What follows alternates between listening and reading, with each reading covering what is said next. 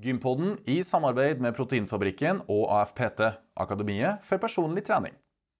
Det som jeg gjorde, jeg åt eh, middag, og da lagde vi alltid såpass store middag at jeg hadde middag til kvelds òg. Så varmte jeg resten til kvelds.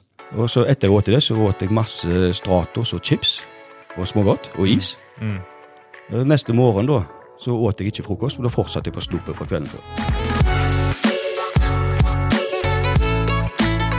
Og velkommen til Gympodden, den joviale pod- og videokassen for deg som er glad i trening, ernæring og den aktive livsstilen som vi krydrer med gjester som er glad i livet, og en digresjon eller to, det er vi gode på. Navnet mitt er Lasse Matberg, og jeg er altså en av to trønderske halvdeler som utgjør pod- og videokasten Gympodden. Den andre halvdelen er Fredrik By.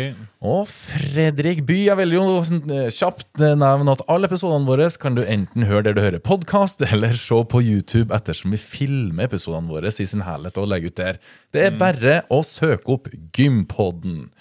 Ja, Fredrik, har du vært på gym i det siste?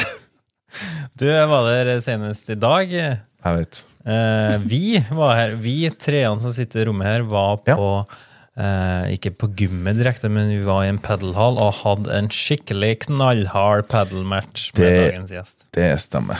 Eh, og nå har jeg nådd årets første milepæl. Ok. Jeg har gått en million skritt. ja, jeg har det. Jeg har jo snakka om dette helt fra episode én i år. Um, og en av mine nyttårsforsett var å gå 10 000 skritt hver dag. Det har jeg jaggu holdt. Ja, det er kjempebra. Og vet du, det har vært et par tussige gåturer. Det skal jeg være den første til å innrømme. Men um, streaken den fortsetter. Runda en million. Spent på million nummer to. Veldig, Skal holde dere oppdatert, alle opp. Tenk deg hvor mange kalorier du bare har brent der. Ja, vet du, jeg tynnes litt òg, vet du. Ja, se det. Ja, det er det jeg gjør. Ja, og apropos tynning, så har vi jo ulike tema. Og den temaet her er faktisk 90 kilo vektnedgang. Ja. Men så er jeg litt mer dystert. Vi skal snakke om sjølhat. ja, og det er jo et veldig sterkt ord, tenker jeg da. Ja, har du mislikt kroppen din så mye at du har hata deg sjøl? Nei, det har jeg ikke. Eh, Jeg òg har, som de aller, aller fleste, gått litt opp i vekt, vært litt ned i vekt, vært fornøyd med kroppen, kanskje ikke vært så fornøyd. Det er nok sånn at jeg har nok eh, enkelte ganger kvia meg litt for å være med på svømming, eller ta meg på overkroppen på stranda når det er sommer. Men jeg kan med hånda på hjertet se at jeg har ikke hata meg sjøl pga. at kroppen har vært så i ulagene. Har du? Nei, det har jeg ikke. Nei. Ikke i den graden her. Så, men jeg tenker dagens gjest skal få lov til å si sin historie med sine egne ord. Men før det så har vi en liten introduksjon på hvem vi har framfor oss. Dagens gjest vokste opp i Haugesund med mor, far og to søsken. Han skulle vise seg å være den mest aktive hele familien som liten, og den største lidenskapen var fotball. Han var en populær fotballspiller både på ungdoms- og juniornivå, men når han ble 18 år, så slutta han på fotball, og dermed gikk vekta opp. Den skjøt raskt opp 18 kilo, og sakte, men sikkert hadde han en vektoppgang på nesten 100 kilo. Etter en innveiing på sykehuset viste vekta 172.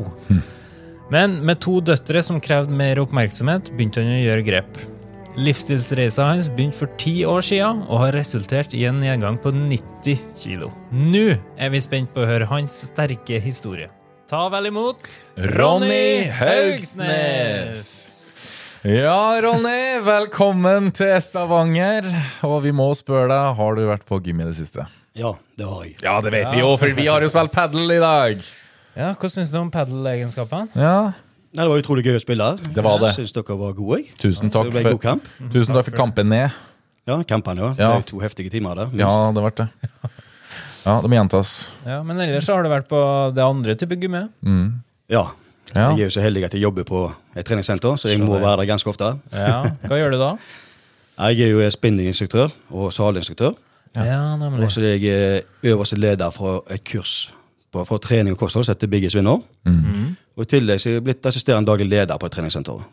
Ah, nettopp. Da er du på gymmet vel så mye. Ja, Så jeg det omtrent hver dag. ja. Hvor mange timer har du? Nei? På timeplan så har jeg ti timer. Både ja, med spinning og tabata, om du vil kalle det. Eller heat. Ja. Oi, det er såpass, ja. Ja. Men så vet jeg at du er veldig aktiv på padelbanen nå. Du har jo flere hundre kamper bak, eh, eller i beltet. Mm. Det er jo ikke så lenge siden du starta heller. Nei, jeg begynte desember 2021. vi har holdt på i en 15 måneder, blir det vel da.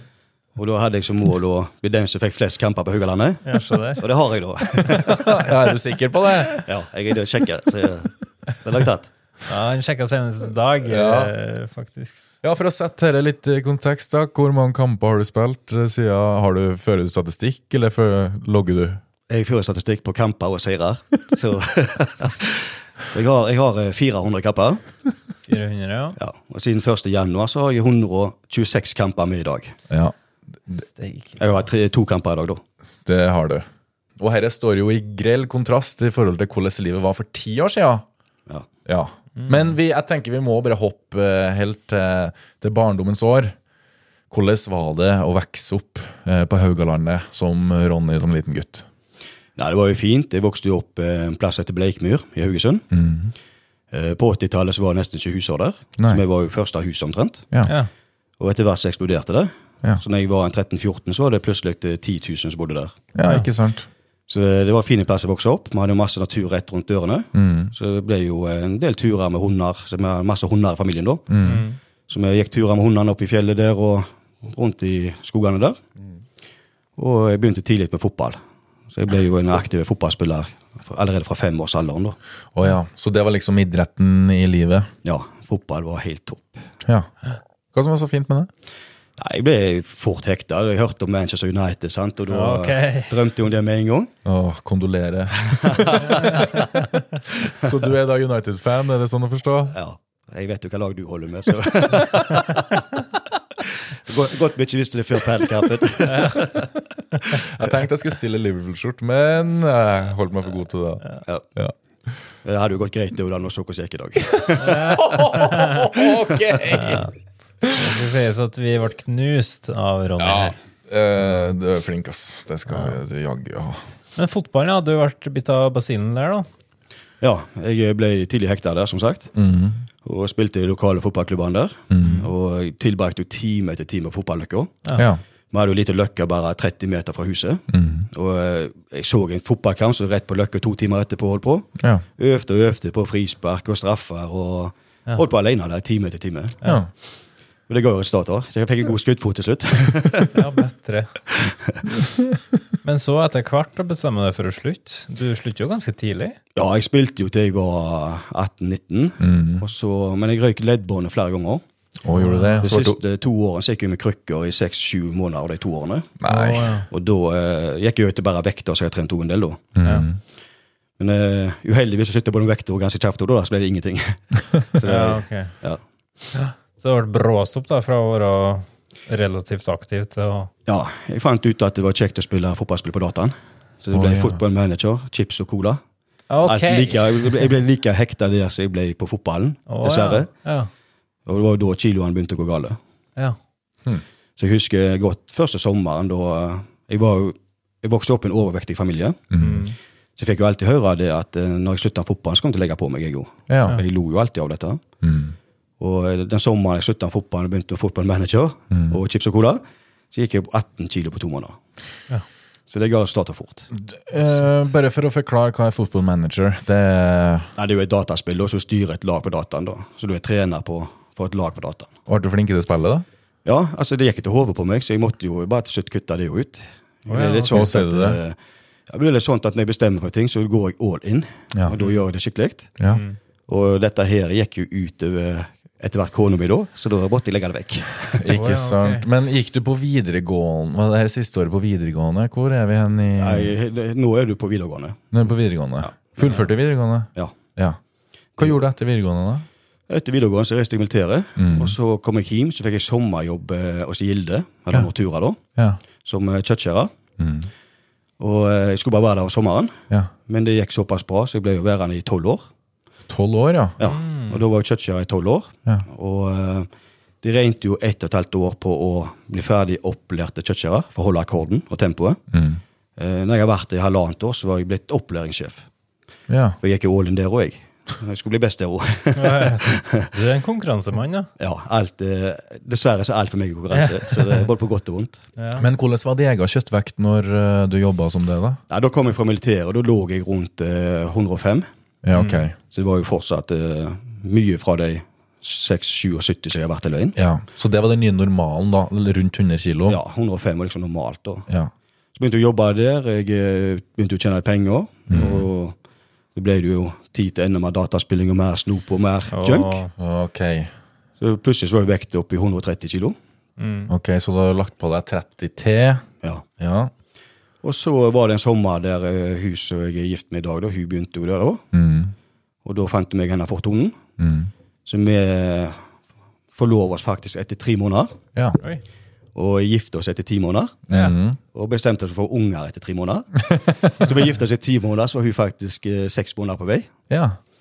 Og når vi fikk unger, så ble det jo til at du blir hjemme og ser på TV. For da må du være hjemme mens ungene er der, selvfølgelig. Mm. Så vi la det i sjutida, og da var det fram junkfood og chips og TV-serier. Mm. Og da ble det plutselig en 40-45 kilo til. Oi, ja, og da er vi jo fort oppe i 170-180 kilo, da. Ja. Jeg ble vekt inn på sykehuset fordi jeg mistenkte et uh, hjerteinfarkt. Ja. Og da la de meg inn der. ja. Uh, inntil masse tester og sånt på akutten. Mm. Og heldigvis viser det at jeg hadde jo fått eh, lungebetennelse. Men jeg hadde jo brystsmerter pga. den, og feber, så jeg var sikker på det var hjerteinfarkt. Mm. For jeg så jo bare svære mann som kom inn på akutten der. Da var det rett inn på hjerteavdelingen. Mm. Og da eh, så jeg journalen deres etterpå at da hadde jeg vekt meg inn til 172 der. ja. Men jeg var nok enda litt tyngre enn det på det største, ja. Det tror jeg. Men hva de rundt Altså Var det noen rundt deg som liksom prøvde å påpeke det, eller hvordan Det var liksom ikke det heller, sant? for jeg vokste opp i en familie som var overvektige. Ja. Så jeg fikk egentlig høre mest kommentarer når jeg var på vei ned. Ja. Da Ja. kom eh, plutselig slekta til meg og sa at de hadde vært eh, kjempebekymra for meg når jeg var så stor, og de var redde for å miste meg. Og... Så jeg sa det liksom først til meg når jeg var på vei ned, da. Oh, ja, Så du fikk ikke noe mye kommentarer på vekta di når du var stor og var på vei til å bli enda større? Nei, for det var litt sånn at eh, sånn som jeg sjøl tenker, det er at alle som er veldig overvektige, Mm. de vet det utmerket godt sjøl. Og det er ikke alltid du trenger folk til å fortelle deg det. Nei. Og de visste jo at dette var et ømt tema for meg, Mm. for jeg vokste jo opp som en veldig bra trente. Ja. Og jeg hadde jo slengt kommentarer til søster min og broren min som var overvektige i alle år. Ja. Og nå plutselig så er jeg den største av dem. Ja. Så det var litt sånn, de visste at det var et ømt tema for meg, og hvis de sa noe til meg, så visste jeg at jeg ble rasende, jeg ble sur og sint, og det ødela hele Ja, uka for okay. meg. Mm. Så det, det var egentlig for å spare meg for å høre det fra deg, da. ja. Så det var internt i familien, men en eh, fotballspillere som heller øh, Venner som du hadde på videregående, og sånn var det ingen av dem som Jo, altså for meg så ble det jo en eh, stor stressfaktor. For jeg, jeg da jeg begynte å hate meg sjøl når vekta ble sånn som dette. Ja. For jeg hadde jo alltid sett på meg sjøl som en bra trente kar. og Jeg husker jeg stod noen tulla kalte meg Body-Ronny, og så Mm. var jeg veltrent og så bra ut. Mm. Det plutselig ble så store. Og da, eh, som sagt, da begynte jeg å hate mot meg sjøl. Jeg hata å se meg sjøl i speilet. Jeg hata kvelder der jeg lå på benken og så på fotball og åt snop og junkfood. Koste meg akkurat der og da, men så gikk jeg på toalettet etterpå, sant? og så snur du deg, så ser du deg i speilet. Og da tenkte du liksom, hva er det du holder på med? Er du helt idiot? Det er jo dette du hater, men likevel så har maten fått så mye makt at du fortsetter å ete. Så for meg å treffe gamle kjente, da, det ble jo eh, tungt. ja. Jeg hadde fått noen kommentarer fra gamle fotballspillere at eh, for eksempel, ja, det var mange år siden, Mm. og jækla mange kilo siden. Og når jeg fikk sånne kommentarer, så ødela det hele uka mi. Ja, du gjorde det, ja. Ja. Så, det, så husker jeg en gang jeg skulle på Amanda storsenter der i Haugesund og handla litt. Mm. Jeg sitter i bilen, så ser jeg en av mine beste kamerater som jeg ikke har snakket med på lenge, gå inn og handle. Ja, du ser han gå inn. Ja. Mm. Og da tenkte jeg at eh, jeg vil ikke treffe han. Jeg vil ikke høre kommentarer hvordan jeg ser ut nå. Hva du gjorde da? Tok du bare kjørt av gårde, eller? Nei, jeg satt i bilen og venta til han skulle komme ut igjen. Nei. Så jeg satt faktisk ute og venta en og en halv time på at han så ut, så jeg kunne gå inn og handle det jeg skulle. For det var noe spesielt jeg skulle ha på en butikken ennå. Ja. Så jeg gikk ikke inn før jeg så han gikk ut. For da var kysten klar, ja? Ja. Og hvis jeg kom inn og jeg så noen Jeg kikker alltid etter kjente. Mm. Hvis jeg så noen kjente, så gikk jeg andre veien eller gjemte meg bak i hylla, rett og slett. Jeg ville ikke treffe det. Jeg ville ikke vise hvordan jeg hadde forfalt. Jeg, jeg har alltid tenkt litt sånn at uh, du har ansvar for din egen helse. Og her hadde jeg latt alt eh, skli rett og slett så langt ut som kunne. Ja, men hadde du noe fokus på helsa oppi alt dette her, da? Ja, for det, var liksom det, det liksom det jeg hadde. For jeg hadde alltid hatt eh, et ønske om å ja, For å si det rett ut, nesten som å se ut som deg, da, sant? kroppsmessig. Mm. Være topptrent og se bra ut. sant? Og det var liksom mitt ønske alltid, jo. men så hadde jeg ikke disiplin til det, og jeg hadde gjerne ikke genen til det heller. For jeg, jeg tror det henger mye sammen med hvilke gener du har. For jeg, jeg vet at eh, noen legger lettere på seg enn andre. Og eh, det henger sammen med genet, tror jeg. Så hvis jeg har stilt med siden av en annen kamerat, og han, meg og han har åt akkurat samme i ett år, Mm. så kan godt være han har gått opp 8 kilo, mens jeg har gått opp eh, 22 kilo. Så jeg er sikker på at det henger litt sammen med genene. Ja. Når du var så stor da, at du følte at du ikke kunne gå ut eh, og møte kjentfolk på, på butikken og sånn, er det noen ting venner eller familie hadde kunne ha sagt til deg den gangen, sånn at de hadde Eller hva hadde du ville ha hørt? ja. Ja, det er vanskelig å si. Det er Du må nesten finne ut av sjøl. Ja. Ta tak sjøl i det. Men eh, i ettertid, hva jeg skulle ønske jeg kunne sagt til meg, det var gjerne det at eh, Sånn som han sa til meg inn at eh, når jeg var på vei ned, at de hadde vært redde for meg. Ja. Rett og slett redde jeg skulle få et hjerteinfarkt og dø. Mm. For det, du, du må ofte få en sånn wake-up call før du tar tak i det. Og Det var det jeg tenkte når jeg la meg inn på akutten der. Jeg husker jeg spurte sykepleieren, jeg ble jo lagt rett inn på hjerteavdelingen. Så jeg spurte han jo eh, skal jeg dø, eller hva, hva skjer. Mm. Nei, slapp av, så du er gode hender, og dette skal vi fikse, og dette kommer til å gå bra. Og... Så når jeg gikk ut derfra, så første jeg gjorde, var å kjøre til fastlegen og be om å ta alle blodprøver han kunne, Ja. for å sjekke hvordan tilstanden min var. Og da tenkte jeg at eh, når jeg er så stor nå, eh, hvis jeg ikke har fått noen livsstilssykdommer ennå, så kommer jeg til å få det. Så nå må jeg bare kjøre på og prøve å gjøre noe med det før det skjer. Ja, Så du bestemte deg der og da? Ja, så det var liksom den eh, lille wake-up-callen der, at eh, nå ligger jeg på hjerteakutten der. Jeg har to små jenter hjemme. Jeg er 4-35 år da, sant, og så Ja. Hvor gammel var dem da? Ja, de var jo eh, fire, fem og seks da, vel? Rundt der. Fem-seks.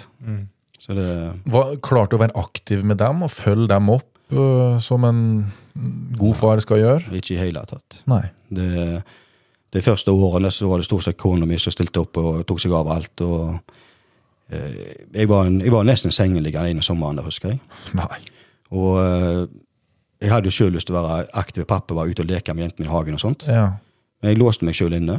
Jeg eh, gikk jo ikke i familieselskaper. Jeg gikk kun i treningsbukser, for det var ingen bukser som passet ellers. Så vendepunktet for meg sånn sett, det var jo eh, ene sommeren der uh, hun, eh, kona som var gift med, da, spurte om hun skulle sykle en tur med ungene. Mm. Så festet hun en sykkelvogn bak på min sykkel. Eh, Vi har en plass etter Djupadalen i Haugesund. Det er en bratte bakker opp der til. Eh, Fra meg til de bakkene begynner, så er det 500 meter. Når vi kom til bakkene skulle starte, så var jeg ferdig. Da trodde jeg jeg skulle dø. Og da har jeg sykla 500 meter. Da sa jeg til hun, eh, Martha da, at jeg klarer ikke å sykle lenger. Jeg har ikke kjangs. Så hun måtte feste vogna på over sin sykkel. Sykla på badet med ungene og kose seg. Jeg sykla hjem, la den på benken og begynte rett og slett å grine. Ja. Eh, Samtidig da dette skjedde, så var begge to blitt arbeidsledige. For de la jo ned anlegget i Haugesund da, Natura. Så vi oh, sto ja. begge to uten jobb, og to små jenter. Ja. Jeg lå på sofaen der, grein, så synd på meg sjøl. Tenkte hvordan har du stilt deg nå? nå du har to nydeligste jentene i verden. De er bader og koser med mammen. Du ligger her. Da gikk jeg ut på vekta. Den viste error, og den gikk til 150 kilo. Så da visste jeg at jeg var over 150 kilo i hvert fall. Jeg fikk en sluttpakke på 100 000 fra arbeidsgiveren. Og da eh, ringte jeg til, til Harald Andreassen. Mm. Han er daglig leder på Tremeriet. Mm. Han har vært fysisk trener for FKH i mange år, og var selv fotballspiller. Han ser ganske hard og tøff ut, så jeg tenkte at jeg trenger en som kan være litt hard og stygg med meg. da. Så jeg ringte han, spurte han om han ville trene meg, få meg tilbake i arbeidslivet, for jeg var jo satt ut av arbeidslivet. Jeg klarte ikke å gjøre noe. Ja. Og da var han klar over hvordan øh, din tilstand var? Nei, han kjente jo ikke til meg, sant? og jeg fortalte om meg sjøl og sa hvor tung jeg trodde jeg var. Ja. Men jeg sa til henne at jeg har fått 100 000 i sluttpakke. Mm. Den skal du få. Du får alle 100 000 hvis du kan trene og få meg tilbake. Ja. Så han lo jo litt og trodde jeg tulla. Mm. Dagen etterpå kjørte jeg bort til han, hadde et møte med han. Og da sa han til meg at vi kjører på, men betingelsen er at jeg skal kun ha 90 000. Og 10 000 tar du og går og handler på XXL og kjøper en ny treningsklær, for det trenger du nå. og da, eh, da gjorde vi det. Ja. Og da eh, husker jeg at jeg kjørte firehjuling. Så første økta vi hadde, det var på treningssenteret han hadde tidligere. Det var jo eh, ca. halvannen mil fra huset mitt. Ja. Eh, Første økta jeg hadde med han, når jeg kjørte hjem, så måtte jeg stoppe på veien, for da så jeg fortsatt stjerner. Jeg trodde jeg skulle dø på veien hjem. Ja. Ja. Kommer hjem, så ramler jeg inn i stua og ramler på gulvet. Ja. Hun, Martha hun trodde jo at jeg fikk hjerteinfarkt, Mm. så hun kunne springe bort. Og da sa jeg at jeg hadde første treningsøkta mi. Så av en eller annen grunn så måtte jeg ha tomater. så jeg henta masse små tomater til meg og fyrte opp med tomater. Jeg lå og tomater der. Jeg visste ikke hvor jeg var engang. Såpass, ja. Ja, så fikk jeg kald klype på pannen, og sånt, og så gikk det en halvtime før jeg klarte å reise meg. Kroppen fikk sjokk. Kroppen fikk sjokk. Ja, Og da var det rett opp, da, og så på trening dagen etterpå igjen, eller? Ja, jeg stilte opp hver eneste gang og fulgte programmet hans. Og eh, Jeg husker ikke hva han vekte meg inn til, jeg der, men jeg var over 170 kilo da. Ja. Og da søkte jeg slenkeoperasjon samtidig. Det gjorde du, vet du. For jeg, jeg klarte jo ikke å gjøre noe. Jeg var jo hemma av kroppen min. Jeg Jeg gikk en kilometer, så brant jeg. sant? For jeg hadde så vondt i skulder og nakke og rygg. og... Så jeg, jeg klarte ikke å gjøre noe. Ja, men, k- hvordan klarer du deg i hverdagen? Klarer du å hjelpe til på kjøkkenet? Klarer du å hente, opp- hente posten? Nei. Innkjøp av mat? Var du Det var, det var så gale at uh, nærmeste naboen vår, han uh, var jo passert 60 år, Ja. Uh, kikka jeg ut av hagen min en dag, så sto han og klippte plenen vår. Mm. For jeg ikke klarte å stelle hagen sjøl. Mm. Og da syntes han det var voksent at han gikk ned og klippte plenen, faktisk. Og da tenkte jeg at her ligger du 35 år, klarer ikke å klippe din egen plen. Nabo på 60 kommer ned og klipper din plen etter han har klippet sin egen. Og da tenkte jeg at jeg, må, jeg må faktisk gjøre noe. Og hadde jeg ikke tatt tak da, så tror jeg ikke jeg har vært der i dag. Eller jeg er sikker på at jeg ikke har vært der i dag. Det, Men hva er grunnen til at det går så langt, da? At du klarer å komme opp i 170 kilo? Det er det at når du passerer 120-130 og sånt, så, så magesekken blir ganske stor, så du eter jo mye mer. Ja. Eh, Og jeg åt jo bare drit. Det, jeg visste ikke hva frokost var eller lunsj var. Jeg åt ikke skjever, jeg. Det som jeg gjorde, jeg åt eh, middag, og da lagde vi alltid såpass store middag at jeg hadde middag til kvelds òg. Mm. Og da åt jeg jo for to voksne når vi hadde middagen. Så varmte jeg resten til kvelds. Og så etter jeg åt det, så åt jeg masse Stratos og chips og smågodt og is. Mm. Mm. Neste morgen da, så åt jeg ikke frokost, men da fortsatte jeg på snopet fra kvelden før. ja, så da tok du rest, kveldsrestene? Ja, Så hver frokost for meg var egentlig Stratos-plater og chipsrester. Det er jo å fortsette på den galeien der. Og eneste jeg var litt stolt over, da, det var det at jeg bestemte meg tidlig at uh, ungene skulle aldri få mitt kosthold. Så eh, de skulle ikke være 13-14 år og tenke at eh, de har blitt overvektige pga. meg. Mm. Hvis de ble overvektige, tenkte jeg, så er det pga. det de sjøl har gjort. Ikke pga. hva jeg har gitt i oppveksten. For du er ansvarlig for ungene dine. Ja. Så heldigvis så holdt de meg til det. Så de har alltid hatt et sunt og godt kosthold. Mm. Så de har vært eh, godt trent og alltid drevet med idrett, med turn, med, med karate. Og nå blir begge to på trimmeriet med meg. Så jeg er litt stolt over at jeg klarte å holde det under alt. i hvert fall. Men hvorfor tror du at du ikke klarte å holde deg unna, da? Ja, det er det at eh, sukker får så stor makt over deg. Ja. Og det er noe av det som jeg hater meg sjøl for, at jeg skulle la mat ha sånn makt over deg, at det styrer alt. Mm. Det styrte livet mitt. Det kjekkeste jeg visste, det var hvis det regna ute og var surt. Jeg kunne ligge inne på benken og se Champions League og spise kebabpizza og is og snop helt til jeg lå der vondt i magen. Mm. Det, det var topp kveld for meg, det. Ja. Og en lørdag, for eksempel, kunne starte dagen med å ete snop. Etterpå så hadde jeg en pizza til fotballkampen. Om kvelden så hadde jeg taco med familien. Ja, Så, så kan jeg selv tenke kaloriene. Jeg regnet på det. Jeg lå oppe i 7000 kalorier på en lørdag. Ja. Det var ikke problemet engang. Ja. Så heldigvis når jeg søkte en slankeoperasjon, så visste jeg at det ville ta rundt 15-16 måneder før du får den innvilga. Mm. Så han Harald også har vært, eh, for meg så har han vært en storebror. Mm. En supermotivator, et forbilde. Mm. Vi har jo blitt bestekamerater underveis på den reisen her. Mm. Og eh, så jeg husker han sa til meg i starten at om du tar operasjonen eller ikke, så må du legge om kostholdet, du må legge om livsstilen din. Så hvorfor ta operasjonen? Du må gjøre jobben uansett. Ja. Og da bestemte vi oss at vi skulle prøve å slå den operasjonen. så etter seks måneder så ringte de til meg, da sto jeg på tredemølla. Og da hadde de fått en, eh, en som skulle ta ham, men han var blitt syk, så han måtte stå over. Så jeg hadde en ledig plass. Eh, da hadde jeg gått ned 48 kilo på seks måneder. Det er jo kjempebra, da. Ja, og da takka jeg nei, og det er det smarteste jeg har gjort, tror jeg. Ja. Og da sa jeg til dem at jeg skal fortsette å reise sjøl og kjøre på. Og da har det gått opp og ned selvfølgelig hele veien. Jeg gikk litt opp igjen, jeg gikk ned og opp igjen og sånt. Mm. Så sånn har det fortsatt. Men jeg har liksom aldri gitt meg. Så det er bare det å holde ut og kjøre på og aldri gi deg. Mm. Så det er jo der jeg kom til i dag, da, til nesten 90 kilo. Og jeg vil, fortsatt ned en 6-7 kilo til. Det vil. Mm. Så det har vært litt av en reise, det har det. Ja, virkelig. Hva er det som har vært det vanskeligste på den reisen, da? Ja, det vanskeligste det, det er jo egentlig det, det er jo kostholdet. Ja. Det er jo det. Mm. Jeg har jo prøvd alt som heter dietter på markedet. Ja. Mm. Det, men det som jeg sjøl tenker, at du må finne noe du kan leve med. Mm. Så per i dag så liker jeg egentlig ikke ordet at du er på slank eller du er på diett. eller sånt. Mm. For Hvis jeg sier til deg at jeg nå skal på tre måneder slank, jeg skal gå ned ti kilo, men hva skjer om tre måneder da? da? Skal jeg da feire det ti kilo med å spise sjokolade og chips igjen, da? Eller øl, sant? Altså, det er liksom den jeg ikke forstår. Nei. Gleder meg til neste, for da er jeg ferdig med dietten min. sant? Og da, så Derfor har jeg alltid vært opptatt av det å ha litt kontroll på kalorier. Mm. Finne ut hvor du får kaloriene fra. Mm. Gjøre smarte valg i hverdagen. Og ikke se at noe som helst er fy-mat. Men et det det du vil, men med måte å ha kontrollen på det. Ja. Så derfor jeg sier til folk, og jeg husker i begynnelsen, jeg var jo ofte på lokal-TV og sånt, og kom jeg inn på en butikk, og jeg handla gjerne en pose chips, så fikk jeg gjerne høre i kassen kan du spise sånt da? ja. Mm. Så da, selvfølgelig kan jeg det, sier jeg, med alt med måte. Så jeg sier til folk, og jeg har jo masse kurser, så jeg sier til en mann på 130 kilo, du skal aldri spise en sjokolade igjen, aldri spise kake igjen, så det er ingen som holder det, Nei. så er 130 kilo. Og da er det bedre å si til deg at uh, gjør smarte valg. Er du i selskap hos mor di, ta et kakestykke. Men ikke gjør sånn som meg og ta to kaker med deg hjem og spise kvelds og frokost. det var det jeg gjorde. Ja. Jeg har gjort det sjøl, da. Ja, altså. det, det er nok veldig mange som kjenner seg Kanskje ikke igjen å ta med to kaker hjem. Nei. For meg òg, vet du. Sant? Jeg husker hun kona mi var jo fantastisk å bake. Ja. Så på lørdag vet du, jeg, jeg fikk jo henne tilbake i verdens beste. Mm. Og du vet hvor svær den er, og du vet hvor mye krem som er i den. ja, den uh... Den åt jeg alene på en lørdag-søndag. Nei, ta. Hele verdens beste alene på lørdag-søndag. Wow. Tenk deg hvor mye kalorier du får i deg da. Ho. Så, det... så derfor sier jeg til deg som kommer på kurset mitt nå, til å være ærlig med hva du spiser, for det er lettere for meg å justere det. For alt det du har spist, det har sikkert jeg spist to ganger. Så det er bare til å kjøre på. Men altså, kona, kona di hun lager jo god mat og alt sånt, men hun prøvde ikke å influense deg hun da, til å liksom Du, Ronny, kanskje vi skal begynne å tenke litt smartere her? Jo, men altså, hun, hun er alltid så fantastisk snille. Altså, hun tenkte alltid sånn at uh, hun, i den tida så elsker hun meg uansett. Ja. Ja. Så for henne brydde seg ikke om vekta. Om jeg var 130-40 kilo, så brydde seg ikke hun seg. Og selvfølgelig, Hun ville jo ikke at jeg skulle bli syk, Nei. men uh, utseendemessig så gjorde henne ingenting. Nei. Så lenge hun var fornøyd, så, så brydde seg hun seg. Men hun visste jo sjøl at jeg hata meg sjøl, da. Det har jeg gjort i mange, mange år. ja, når var det starta? Nei, Det var, det var når vektoppgangen starta omtrent. Ja.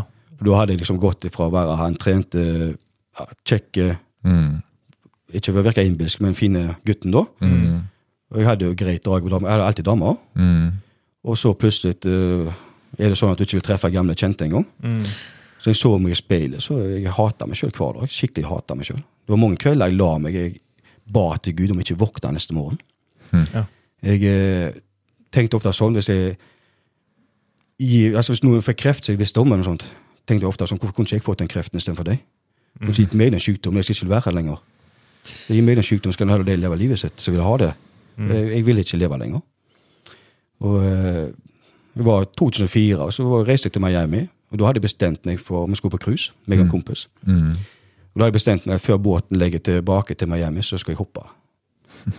Og jeg husker kvelden før, så gikk jeg faktisk bak skipet og sto på kanten der. Nei. Men uh, heldigvis har jeg alltid vært altfor feig til å gjøre det da. Så jeg hadde ofte et dødsønske, men jeg var for feig til å gjøre noe med det. Ja. Eh, kompisen din, han som du reiser på tur med, vet han om eh, her? her? I senere tid. Ja. Eh, Det som var litt merkelig, eh, jeg vokste opp på Bleikmø der, og det var litt eh, tøft miljø. Det var kjent for både stoff og litt mye gjenger og sånt, og sossing. og Bleikmø-gjengen var liksom en fæl gjeng. Mm. Og eh, i den gata som jeg bor, så var vi fire gutter som spilte litt fotball sammen, hang litt sammen der. Mm. Eh, han er en av de. ene dagen jeg var ute og spilte fotball om morgenen. Jeg sto på Løkka der og trente. Så kom ambulansen, og da går de forbi meg. Og da 20 meter fra der jeg spiller fotball, der har han hengt seg i treet. Nei. Da var han 17 år gammel. Hvor gammel var du? Jeg var 18, han var 17. Ja. Da hang han faktisk 20 meter fra der jeg spilte fotball. Eh, noen måneder før så hadde vi fire kompisene faktisk blitt kjørt hjem av politiet fulle på en lørdag. Alle fire hadde plukket opp fra byen, tilfeldig. Fire kompiser, samme gata. Så jeg stoppet fire huser etter hverandre og satte oss av. Så han ene der, han uh, hang seg dessverre i det treet da. Uh, To-tre år seinere så er han nestemann. Han er på Vågsli. Står på snowboard. Eh, skal reise hjem etter hvert opp en måned. Uh, skal bare rett ut på toalettet, sa. Kom ikke inn igjen. Og da hengt seg ute på hytta. Hæ? Det var naboen min, det òg. Begge de to som vokste opp med det. Eh, han tredje som jeg reiste på cruise med, Mm. han eh, fant meg ikke en dagen. Da gikk vi og lette etter han. Det ble en stor leteaksjon. Ja. Da fant vi et brev der han skrev at han var stukket for å ta livet sitt. Eh, og Senere så prøvde han noe, og da havna han i koma i to dager før de fikk livet igjen. Ja. Så to av de av oss fire da, som vokste opp på samme gate, der, tok sitt eget liv. Han tredje prøvde, klarte heldigvis ikke. Jeg var en ferie som hadde lyst, men var altfor redde. Heldigvis. Men hvordan har det påvirka deg nå i senere tid, da? Nei, Jeg tenker ofte på det. Jeg har liksom mine demoner ennå. jeg, som hele tida snakker om at uh, forteller meg at jeg er ikke god nok. Jeg er ikke bra nok uansett. Du er ikke så flink som du tror. Du er ikke så bra trent som du tror, gjerne. sant? Altså, så Jeg jobber hele tiden med det i dag òg. Jeg har det på skuldra, så snakker vi med det, og så har jeg det på skuldra, så snakker vi opp. Så jeg, jeg er faktisk ofte vært inne på tanken at uh, hadde jeg ikke hatt uh, Jeg kan jo si det med en gang, jeg er midt oppi en skilsmisse nå, da, dessverre etter 18 år. Eh, Så det har vært tøffe tider nå. Og hadde jeg ikke hatt hun som jeg har vært gift med, da, hun er jo fantastiske. Det er verdens snilleste og kjekkeste dame. Og det er to nylige jentene mine. Så det spørs om jeg har vært der, altså, faktisk. Det er de som eh, gir meg mest å leve for. Så jeg har hatt sånne tanker i 20-25 år, altså. Jeg har det. Ja. Tror du det har påvirka den vektoppgangen du har hatt? Ja, Det henger nok sammen før, men det er liksom det samme som kommer tilbake til at eh, mat får så enorm makt over deg. At det styrer livet ditt. Det, det er nesten Jeg, jeg, pleier å si sammenligna med en eh, som går på heroin. Han er avhengig av heroin. Eh, vi er avhengig av sukker. Og samtidig av junkfood, snop, kaker, is. Eh, samtidig så må du ha noe for å leve. Og hvis du tenker en narkoman som skulle gått rett inn på Rema og kjøpt den heroinen han ville, og han måtte ha litt for å overleve, men ikke så mye som han ville ha, så det er mye vanskelig å holde seg til den lille delen nå. Og sånt blir det for oss òg. Vi må bare ha det, liksom. Det, er- ja, du, du kjenner kroppen må ha sukker og må ha snop. Var det sånn at du oppsøkte noen form for profesjonell hjelp underveis her? Nei. Psykolog, eller Du var til lege og fikk monitorert litt blodprøver og sånn, men ikke Fikk du ventilert? Fikk du snakka? Nei, jeg har ikke det. Jeg, jeg burde nok uh, gjort det. Absolutt. Ja. Du er jo flink til å snakke for deg, og vi har blitt veldig godt kjent i dag. Ja.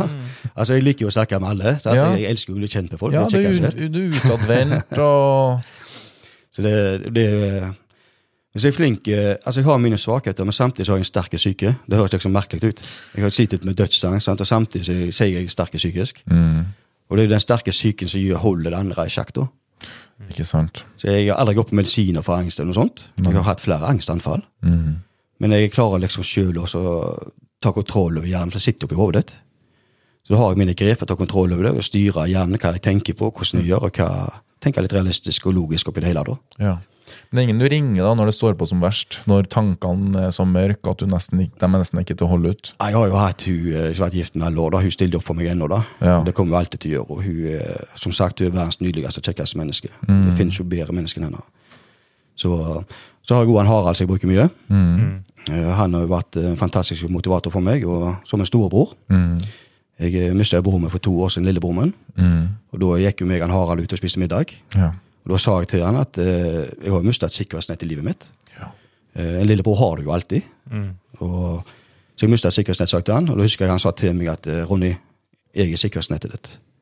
Og det er sånt varmte meg og betydde mye for meg. Og så han Harald kan ikke få skrytt nok av hva han har betydd for meg. da. Mm. Så han har fått uh, en del samtaler med meg da, så han uh, ja, så han setter stor pris på. ja. Men er du flink til å minne på sjøl hvor uh, flink du faktisk har vært da, sjøl?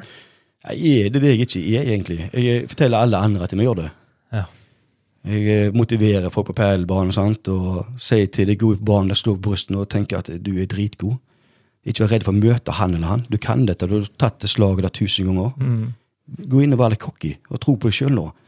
Er du fornøyd i dag? Har du noen form for sjølhat i dag? Ja, jeg har jo det litt sånn sjølhat ennå, det har jeg jo. Men uh, fornøyd og fornøyd. Altså, jeg er litt sånn avhengig av å få tilbakemeldinger. Det merker jeg sjøl òg. jeg er litt sånn som han eh, De sier jo det at uh, skryt av idioten, og idioten jobber. Uh, sånt er jeg jo litt. Da forteller meg at uh, du gjør en god jobb, og jeg kjører på enda mer. Så jeg er ganske enkel, egentlig. altså, det, jeg, jeg er litt for avhengig av tilbakemeldinger, det merker jeg sjøl òg. Ja. Men eh, jeg får jo høre at eh, på padelbanen at det kan være ganske cocky, da. Oh, ja, okay. For jeg liker sjøl å gå ut på banen, og så går jeg på banen, så står jeg sjøl på brystet først. Ja. Så sier jeg til meg sjøl at eh, dette har du gjort tusen ganger. Du har spilt 400 kamper, du kan dette. Mm. Gå ut der og vis. Sant? Og så det null stress hvis du gjør noe feil. Så begynner jeg på nytt igjen, og så kjører jeg på igjen. Mm. Så jeg får ofte høre at jeg er kanskje den mest cocky spilleren i hallen der borte. da. Ok. Det var ikke den vi Nei, det var ikke den vi så. Men kanskje neste gang? Ja. Kanskje neste gang, for da kjenner jeg dere litt bedre. Så. Ja, det var en ydmyk kar som kom og møtte oss. Ja, ja, Kapitalen, ja. Nei da, jeg har ikke spilt noe mye. Å jo da. Um, Du jo ingen tvil om at du har et uh, veldig engasjement for padel her. Uh, men du brenner jo litt for tremeriet og jobben du gjør der òg. Kan du ikke fortelle litt om det? Ja, altså det, det er jo tremeriet som er min jobb, min Ja. arbeidsplass. Ja. Og eh, det ble jo en livsstil. Så jeg begynte jo som sagt trenermann med Harald, da, som var daglig leder for tremeriet og medeier der. Mm, for her er et gym i Haugesund. Ja. Ja. Det er gym eh, per i dag, som har ca. 1600 medlemmer. Oi, det er jo kjempemye. Ja, Så det ble et stort senter. Ja. Og eh, jeg begynte å trene med Harald der. Ja. Og samtidig, litt senere, så starta jeg en liten klubb på Facebook der jeg skulle få folk ned i vekt. Oh. Og da starta jeg privat. Ja. Så fikk jeg folk til å komme hjem til meg en gang i uka og vegre seg hjemme hos meg. Så lagde jeg en liten konkurranse av det. Oh, ja. ja. Og det inviterte jeg folk jeg kjente på Facebook. Da Ja. var vi sånn 15-16 stykker der, som holdt på i to år. ja. Og gikk ned masse, og gikk litt opp og ned og koste oss. Hva er den, ja. hva er den gruppa het, da? Ja, Jeg husker ikke hva vi kalte den, men det var Bleikmyr vektklubb. eller... okay, ok. da vekte vi oss en gang i uka, så Ja. uh, la vi en hundrelapp i potten. Da, så den som var flinkest hver måned, fikk liksom den hundrelappen. da. Å ja. Og så samtidig så jeg gikk ned i vekt, så så vi at dette fungerte jo. Mm. Folk ble jo trigga av hver gruppe å gruppa gjøre dette. Mm. Så gikk jeg til han Harald så sa jeg til han at jeg har fått en kjempegod idé. Ja. Jeg så jo masse på amerikanske Biggest Loser. ja. Så da satte jeg sammen Biggest Loser med det som jeg tenkte. Mm. Og Da satte meg oss ned, og da tenkte vi at vi kan kalle det for Biggest Vinner. da. For vi syns at alle er vinnere og ikke tapere. Veldig fin vinkling ja, på det ble det. Biggest Vinner. Og da sa han til meg at eh, det høres kult ut, men jeg har ikke tid, så du får ta, styre alt alene.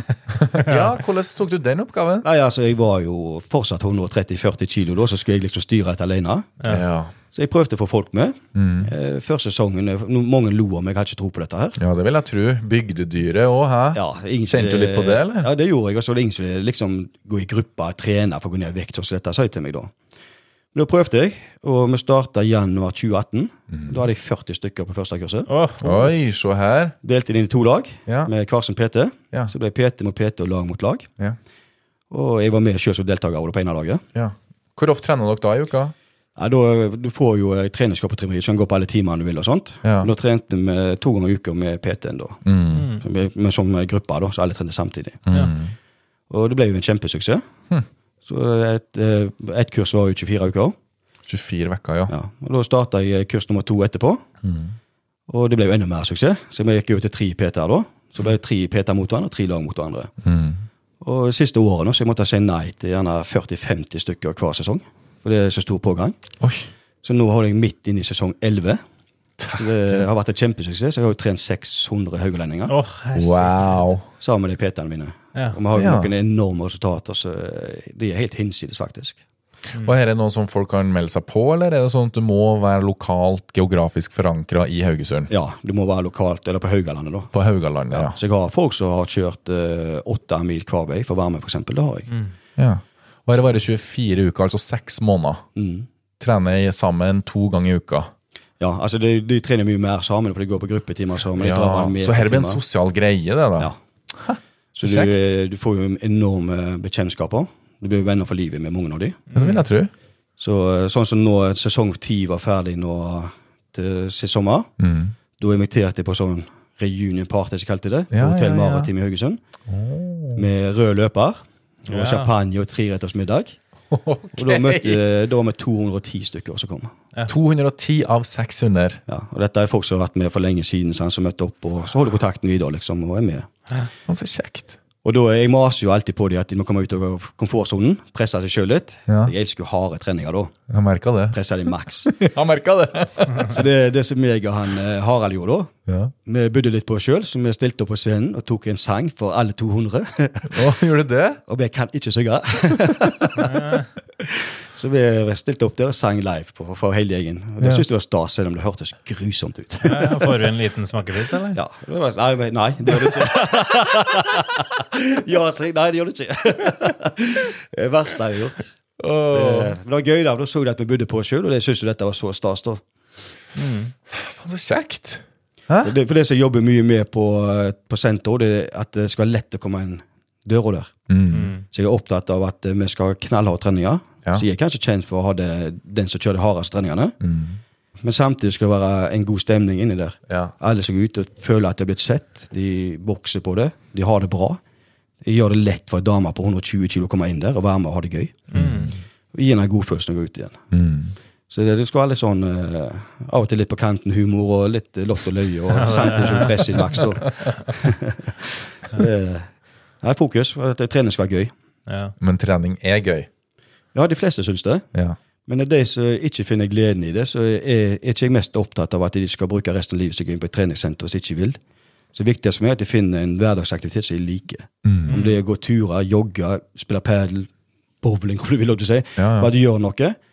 Så ikke gå og begynne med en aktivitet der du syter å gjøre det. Nei. Du må like det.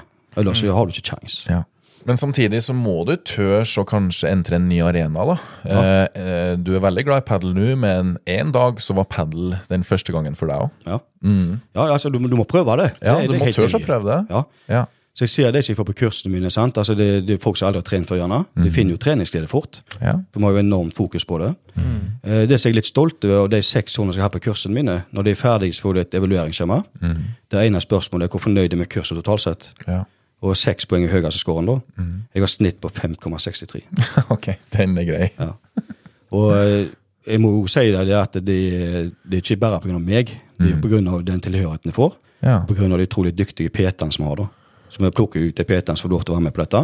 Og De skal være folkelige oppi det og se menneskene som jeg trener. Det er viktig.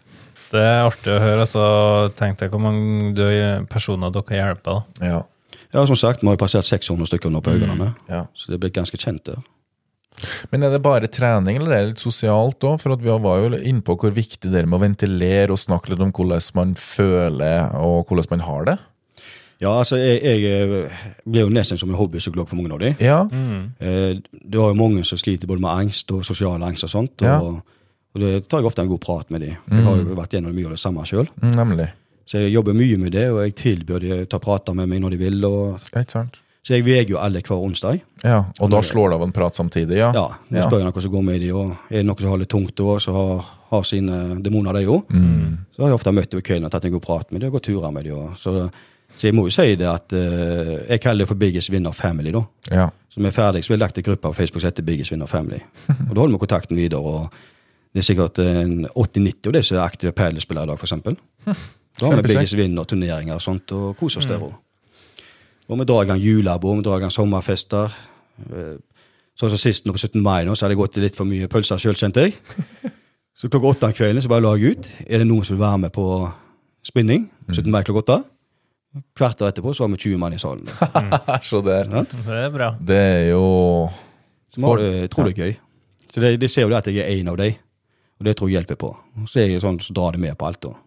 Ja, for du har jo den unike reisa di sjøl, den som du nettopp har delt med oss her. da.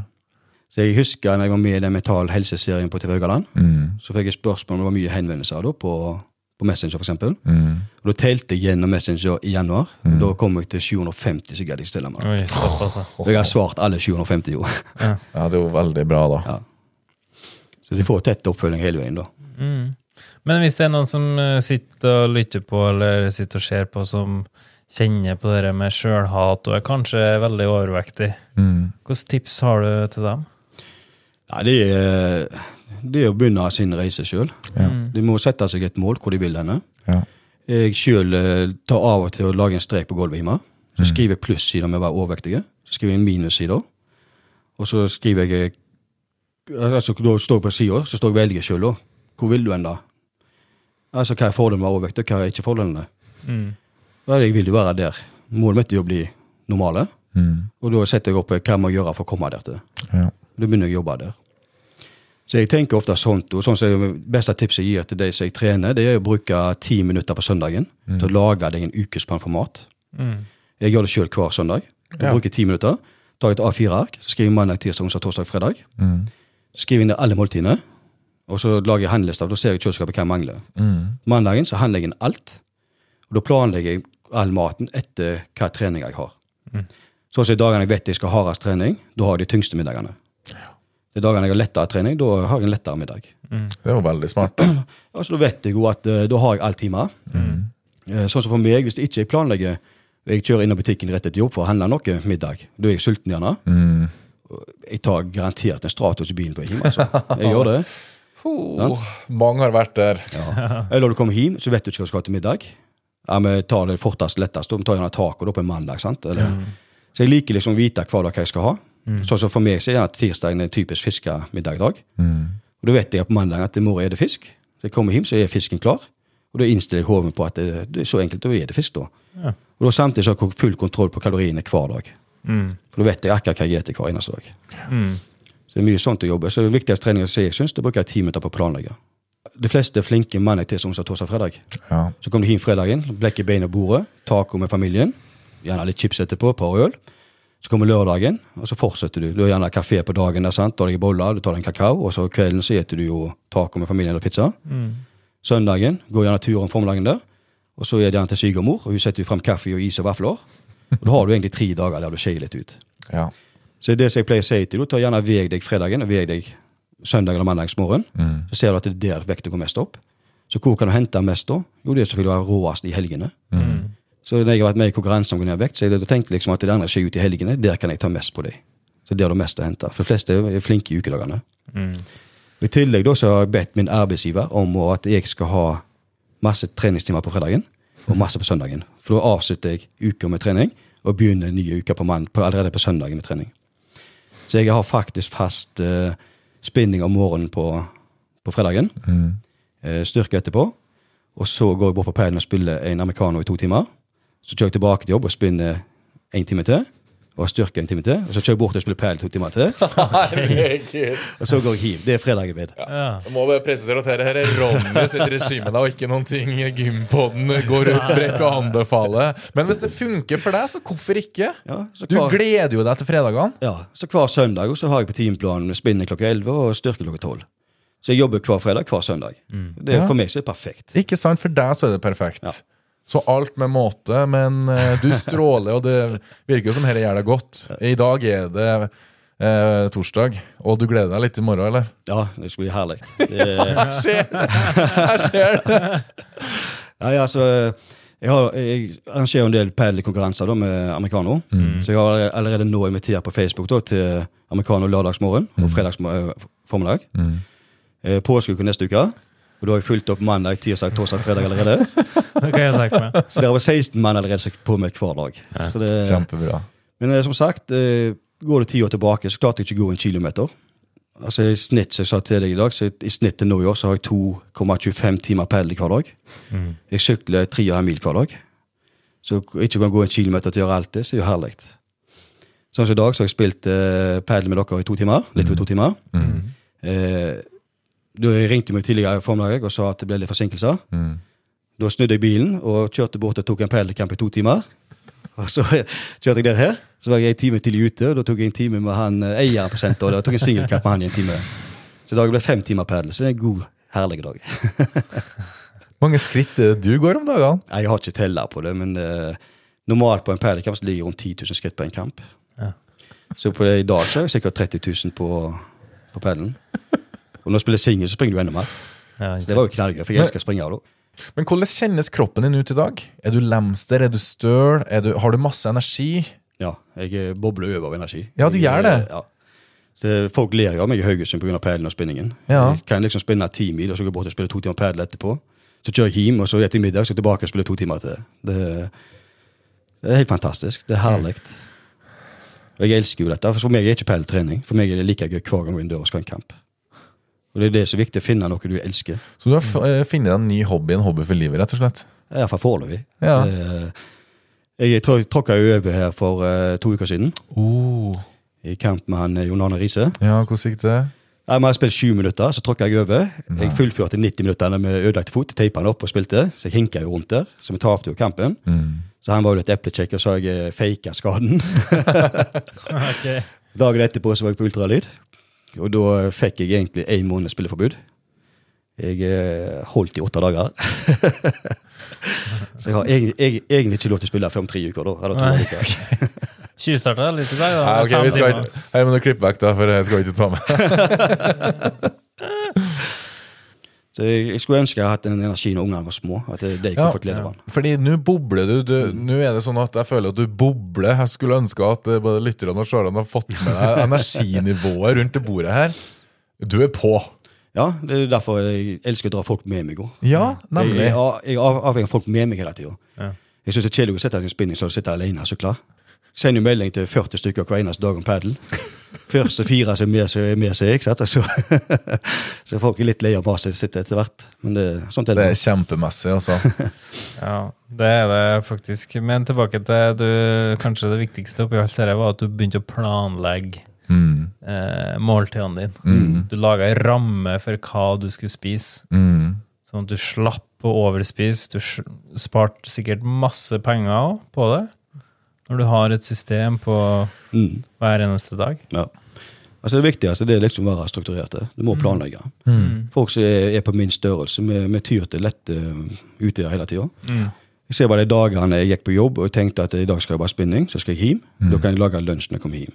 Mm, Men eh, plutselig så måtte jeg være en time lenger på jobb. Noen som ville hatt møte med meg og snakka med meg. mm, Og da blir jeg helt sulten. Da har jeg ikke spist. mm. Og da eh, var det å synge inn i butikken da, på Sparehjørnet, ta meg en hamburger varmedisken mm. der samtidig, og så Stratos, mens jeg handler middag. Ja. Så det, det å planlegge er, for meg så er nøkkelen. Ja. Vite hver dag. Og jeg er veldig opptatt av at alt skal lå med måte. Så holder jeg kontroll på kaloriene. Et eh, eksempel som jeg bruker ofte til de som er på kursen min, det er dette med McDonald's kontra Dolly Dimples. Mm. Eh, begge to syns jo jeg er godt. Ja. Men går på McDonald's, så blir det faktisk en dobbel Big Mac med milkshake og pommes frites. Og da er det oppe i 2200 kalorier. Ok, såpass. Går rett over gata, det ligger på Sivan i Haugesund, Mm. og kjøper en Dolly pizza, og spiser halve pizzaen, så hun er masse mat. Ja, det er masse mat. Ja, halve Dolly pizza. Men da er jeg nede i 900 kalorier. Kontra Ah. 2002. Ja. Så altså, da tenker jeg sånn, Hvis jeg tar en lettere frokostdag da, og litt lettere lunsj, så kan jeg faktisk spise fire pizzastykker til middag. Og likevel være innenfor kalorier jeg skal ha. Selv om jeg vil gå ned i vekt. Mm. Og ofte har jeg jo sånt og da, at jeg skal kose meg en fredag for eksempel, med pizza, så har jeg tatt to stykker til middag, to til kvelds. Så detter litt opp. Mm. Og da er jeg innenfor kaloriene dagen likevel. Ja. Så planlegger du, så kan du spise ganske mye. Det du må styre under, det er jo selvfølgelig denne sjokoladen, da. Altså Hvis du tenker store sjokoladeplater, så er det jo faktisk 1100 kalorier. Ja. Eh, Det som jeg lurte hun, eh, hun som er gift med, da, hun Martha, da, med, hun er jo sjokolademums, hun. Mm. Hun ba meg kjøpe ei stor sjokoladeplate, så jeg lurte henne ofte med det var at jeg kjøpte Stratos istedenfor melkesjokolade. Vet du hvorfor? Nei. Er Luftig. Fordi at eh, melkesjokoladen er 200 gram, Stratos er 150. Så istedenfor 11 kalorier, så får du 750 kalorier. Ja. Smart. Men du får fortsatt en stor sjokoladeplate. Så hun så på den store sjokoladeplata og var happy. Mm. Og da sparte jeg henne for 350 kalorier, uten at hun visste det. Så smart. Ja, så det gjør det smarte valg. Ja. Sånn som bær og sånt, og frukt og sånt, da kan du spise masse av. ja, ja, ja. Grønnsaker og Ja, Grønnsaker er alt du vil, ha. sant? men sånn som lørdagskvelden nå, så lager jeg gjerne et stor tallerken med masse blåbær, bringebær, jordbær. Mm.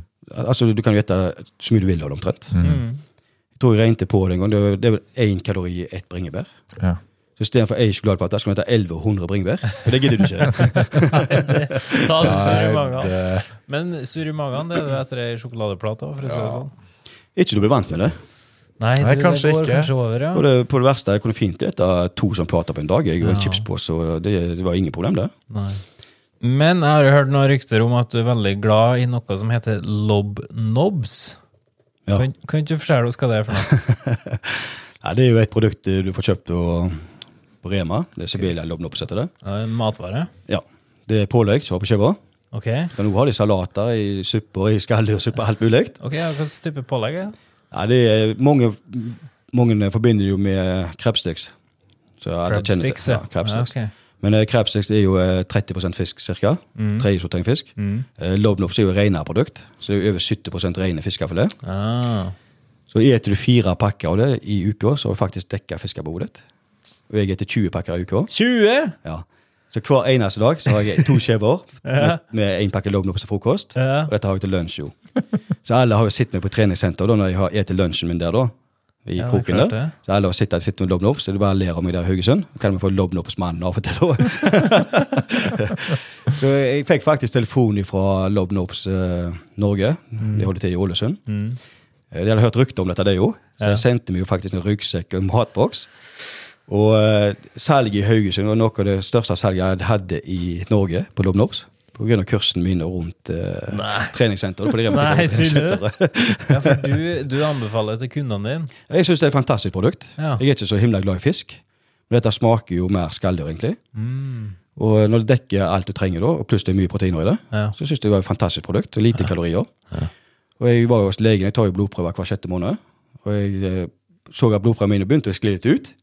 Kolesterolet var, Det gode kolesterolet lå på topp eh, på det grønne og fortsatt helt på topp. Og det dårlige lå helt nede på det grønne. Ja. Og det liker jeg ikke. Jeg ville ha det midt sentralt. Er godt. Og Da bare testa jeg. og Da åt jeg 20 pakker i uka. Eh, Gikk tilbake og tok nye prøver etter fire måneder. Ja. Og da hadde det faktisk kolesterolet blitt mye mye bedre. Og det kunne lovd opp, så vet jeg ikke, det, men jeg sier det. så jeg fortsetter etter 20 pakker i uka. ja, klart du gjør det da. Så jeg trener da så kommer til meg og sier at eh, de kutter ut karbohydrater, kutter ut poteter, pasta, ris og sånne ting. Jeg sier hvorfor det, i et alt med måte. Kos deg med det vel. Mm. Ser Norge før i tida. Hva åt her i Norge? Det var jo fisk og poteter. Ja. Og det var ikke overvektig før i tida, på den samme måte som i dag. Mm. Og så noen skryter med at nå hadde jeg ikke spist poteter på ei uke. Så spør jeg de har du spist sjokolade i dag. Nei, de hadde 200 gram på lørdag, men det var det jo lørdag. Så spør jeg de, vet du hvor mange poteter kan etes istedenfor den sjokoladeplata? Mm. Nei, det vet de ikke. Du kan ete 21 poteter Wow. istedenfor ei sjokoladeplate. Så heller kan man skryte meg når du hoppet over en sjokoladeplate på lørdagen, hva det er poteten du gjør på torsdagen. Yes. Da får du noe annet å tenke på. Ja, veldig god sammenligning. Ja. Ja, så jeg er mer, som jeg sier, alt med måte. Mm. Um, hva er ditt beste treningstips?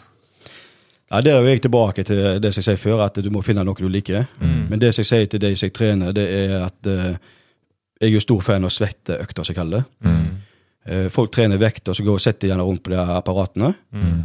Og når jeg ser de går og trener mange av de, så er det, setter de seg ned, så tar de nedtrekk gjerne åtte ganger. Så venter de et par minutter, sitter og snakker litt inn på telefonen og surfer. Så tar de åtte ganger til. Eh, Du får jo ikke opp pulsen når du begynner å svette av det. Så det som jeg liker best, og som jeg sier til det, det er å ta 45 minutter på spinning, ellipse, romaskin, gjerne mikse litt, mølla, og så etterpå tar du apparatene. For når du har gjort det, så får du opp pulsen, og da føler jeg at du svetter videre og holder det videre gående. Om du gjør det eller ikke, det vet jeg ikke, men jeg føler at forbrenning er høyere da, at du forbrenner mer. Det samme at jeg selv har hatt 45 minutter spinning, det, og så går jeg rett i dusjen etterpå. Når jeg kommer ut av dusjen, så fortsetter jeg å svette litt. Ja. Og sånn tenker jeg her og da, at uh, kjører du først kardio, og så tar du vekten etterpå, så holder du oppe svettinga hele tida. Da føler jeg iallfall at du forbrenner mer. Så jeg liker best å mikse de to. Men jeg snakker jo gjennom folk som omtrent aldri har trent før. Ja, Ja. Og, og det, det jeg går inn og gjør på tre kvarter, da, det er jo det som vi som trener og kan dette, gjerne gjør på et kvarter. Ja. Og det, vi får jo opp pulsen på det. Det gjør jo ikke det. Så det går ut etter tre kvarter og gjerne har trent effektivt et kvarter uten å få opp pulsen, uten å være svetten etterpå. Mm. Så det, så det er liksom for nybegynnere bare sånn at jeg tenker kombiner det. Ja. Kjør på begge deler. Ja. Kult. En av de fineste historiene jeg hadde, det var jo en uh, unge mann som sendte mail til meg ene året. Mm. Han var 23 år. Over 150 kilo. Han hadde vokst opp med mor som var narkoman, og det gikk, foreldrene gikk fra hverandre. Mm. Så han var jo 11-12 år og var omtrent bartender for henne og gjestene sine. Å, Og av og til så fikk han seg en lusing, og maten hans var jo gamle chipsrester, og mugla brød og mugla saft. Mm. Så barnevernet kom inn og grep tak i det og tok han ut og flytta han til tanten hans. Mm. Og Dette skriver han i mailen der, og åpen om det. Og da hadde han gjennom Nav hatt en arbeidsutplassering hos Haugaland Kraft. Og det syntes han var flink men eh, han kunne jo ikke klatre i stolper, bare 152 kilo. Så han spurte om jeg, eh, kunne hjelpe han, og at han var en av dere her da. Mm. Og Da klarte jeg ikke å legge det fra meg, så jeg tok tak i det. Og da sa jeg til han at uh, vi skal klare dette her på seks måneder. Mm. Og hvis vi gjør det, så får du lærlingkontakter. Da tok jeg først kontakt med Nav, så tok jeg kontakt med Høgland Kraft, uten at han visste om det. Mm. Og spurte om det stemte at han får lærlingkontrakt og plass, og de får han jobb. hvis de er klar for han der. Og etter flere møter så ble vi enige om dette. da. Mm.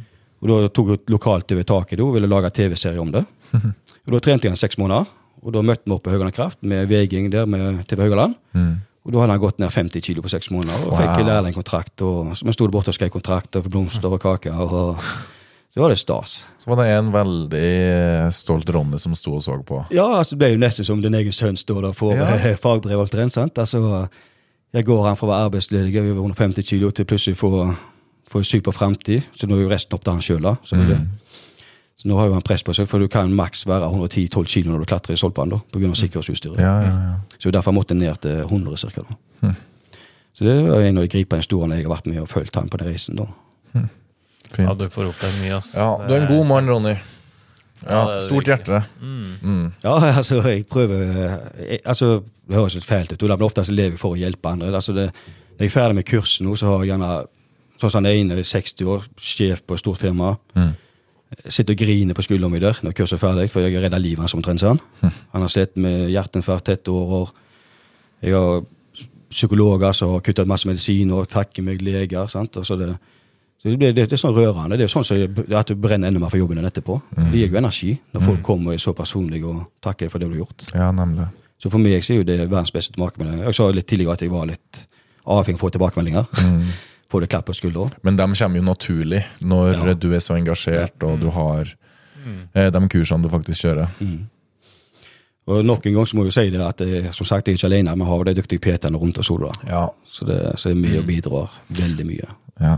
Men det med, med begge svinner er liksom min lille baby, da. Så det, Ja, du er nok kaptein på deres skuta, om du vil eller ikke. ja, det er gamle kursdeltakere og de PT-ene kaller meg for løvepappaen.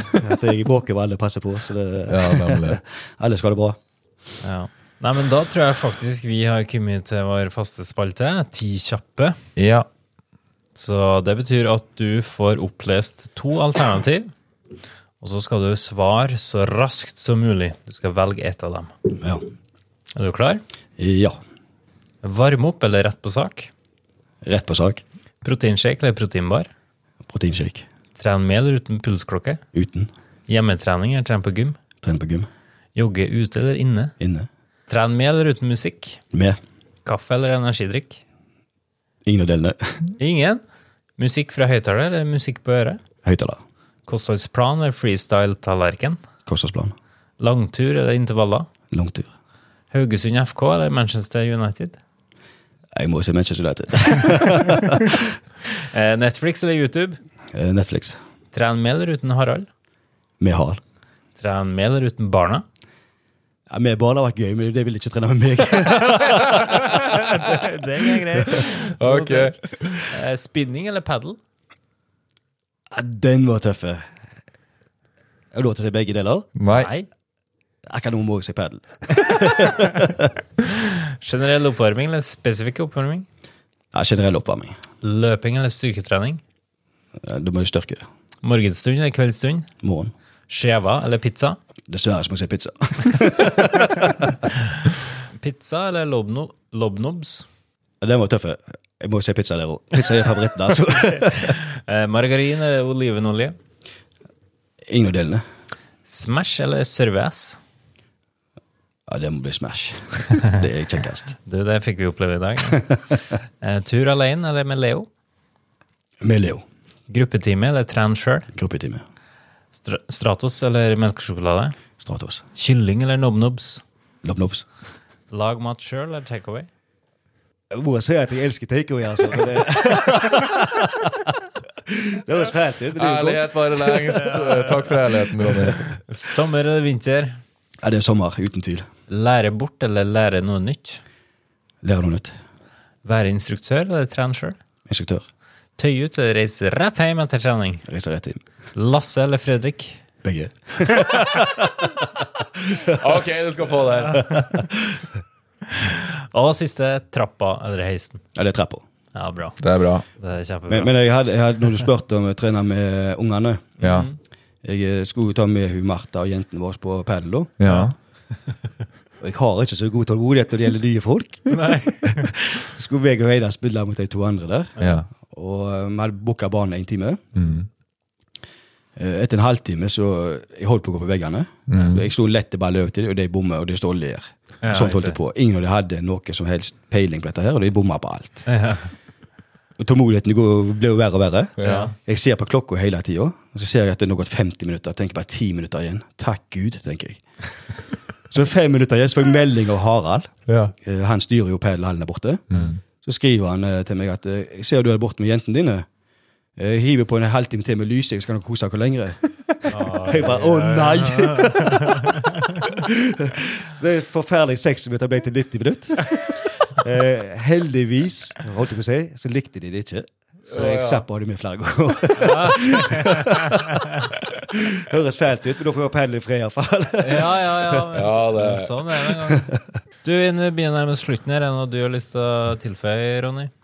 Nei, altså, jeg tok jo turen fra Haugesund i dag. Jeg var jo spent på dette møtet av dere to. Ja. Det var vi òg. Det var vi, Ja, ja. det er første podkasten jeg er med i. ja. Og eh, jeg må jo si det at for meg så har det vært en helt fantastisk dag. Ja. Så bra. I like Her har vi fått eh, spilt Perlen bare kose oss vi har spist god middag. Og har eh, hatt podkast her nå. Ja. Det er For meg rett og slett en supertorsdag. Ja. Så dette har jeg satt veldig stor pris på. Det Ja. er utrolig gøy. Du, det har vært en super eh, torsdag for oss også, så tusen hjertelig takk for at du tok turen opp fra Haugesund. Det skal vi Ja, få til. Nå har ikke vi noe krystallkul, men jeg tror jeg ser noen pellkamper i det fjerne. Så den blir grei. Ta turen til Haugesund, får vi med, med oss en Jon Arne Riise, da. Han har med feriespillere nå. 100 Og Jon Arne, det har han jo sagt eh, at han skal bli med på. Ja, Han har vi møtt før, og vi har en egen episode med han, så jeg anbefaler å gå inn og lytte på den. Ja. Og med det, tusen hjertelig takk for en aldeles topp innspilling. Og denne episoden her, den er virkelig ja, veldig inspirerende historie. Tusen takk for at du deler, Ronny. Eh, og til deg, kjære lytter og kjære seer, takk for at du har fulgt med oss eh, episoden ut. eh, og på gjenhør i neste episode av Gympodden. Ha det bra. Ha det.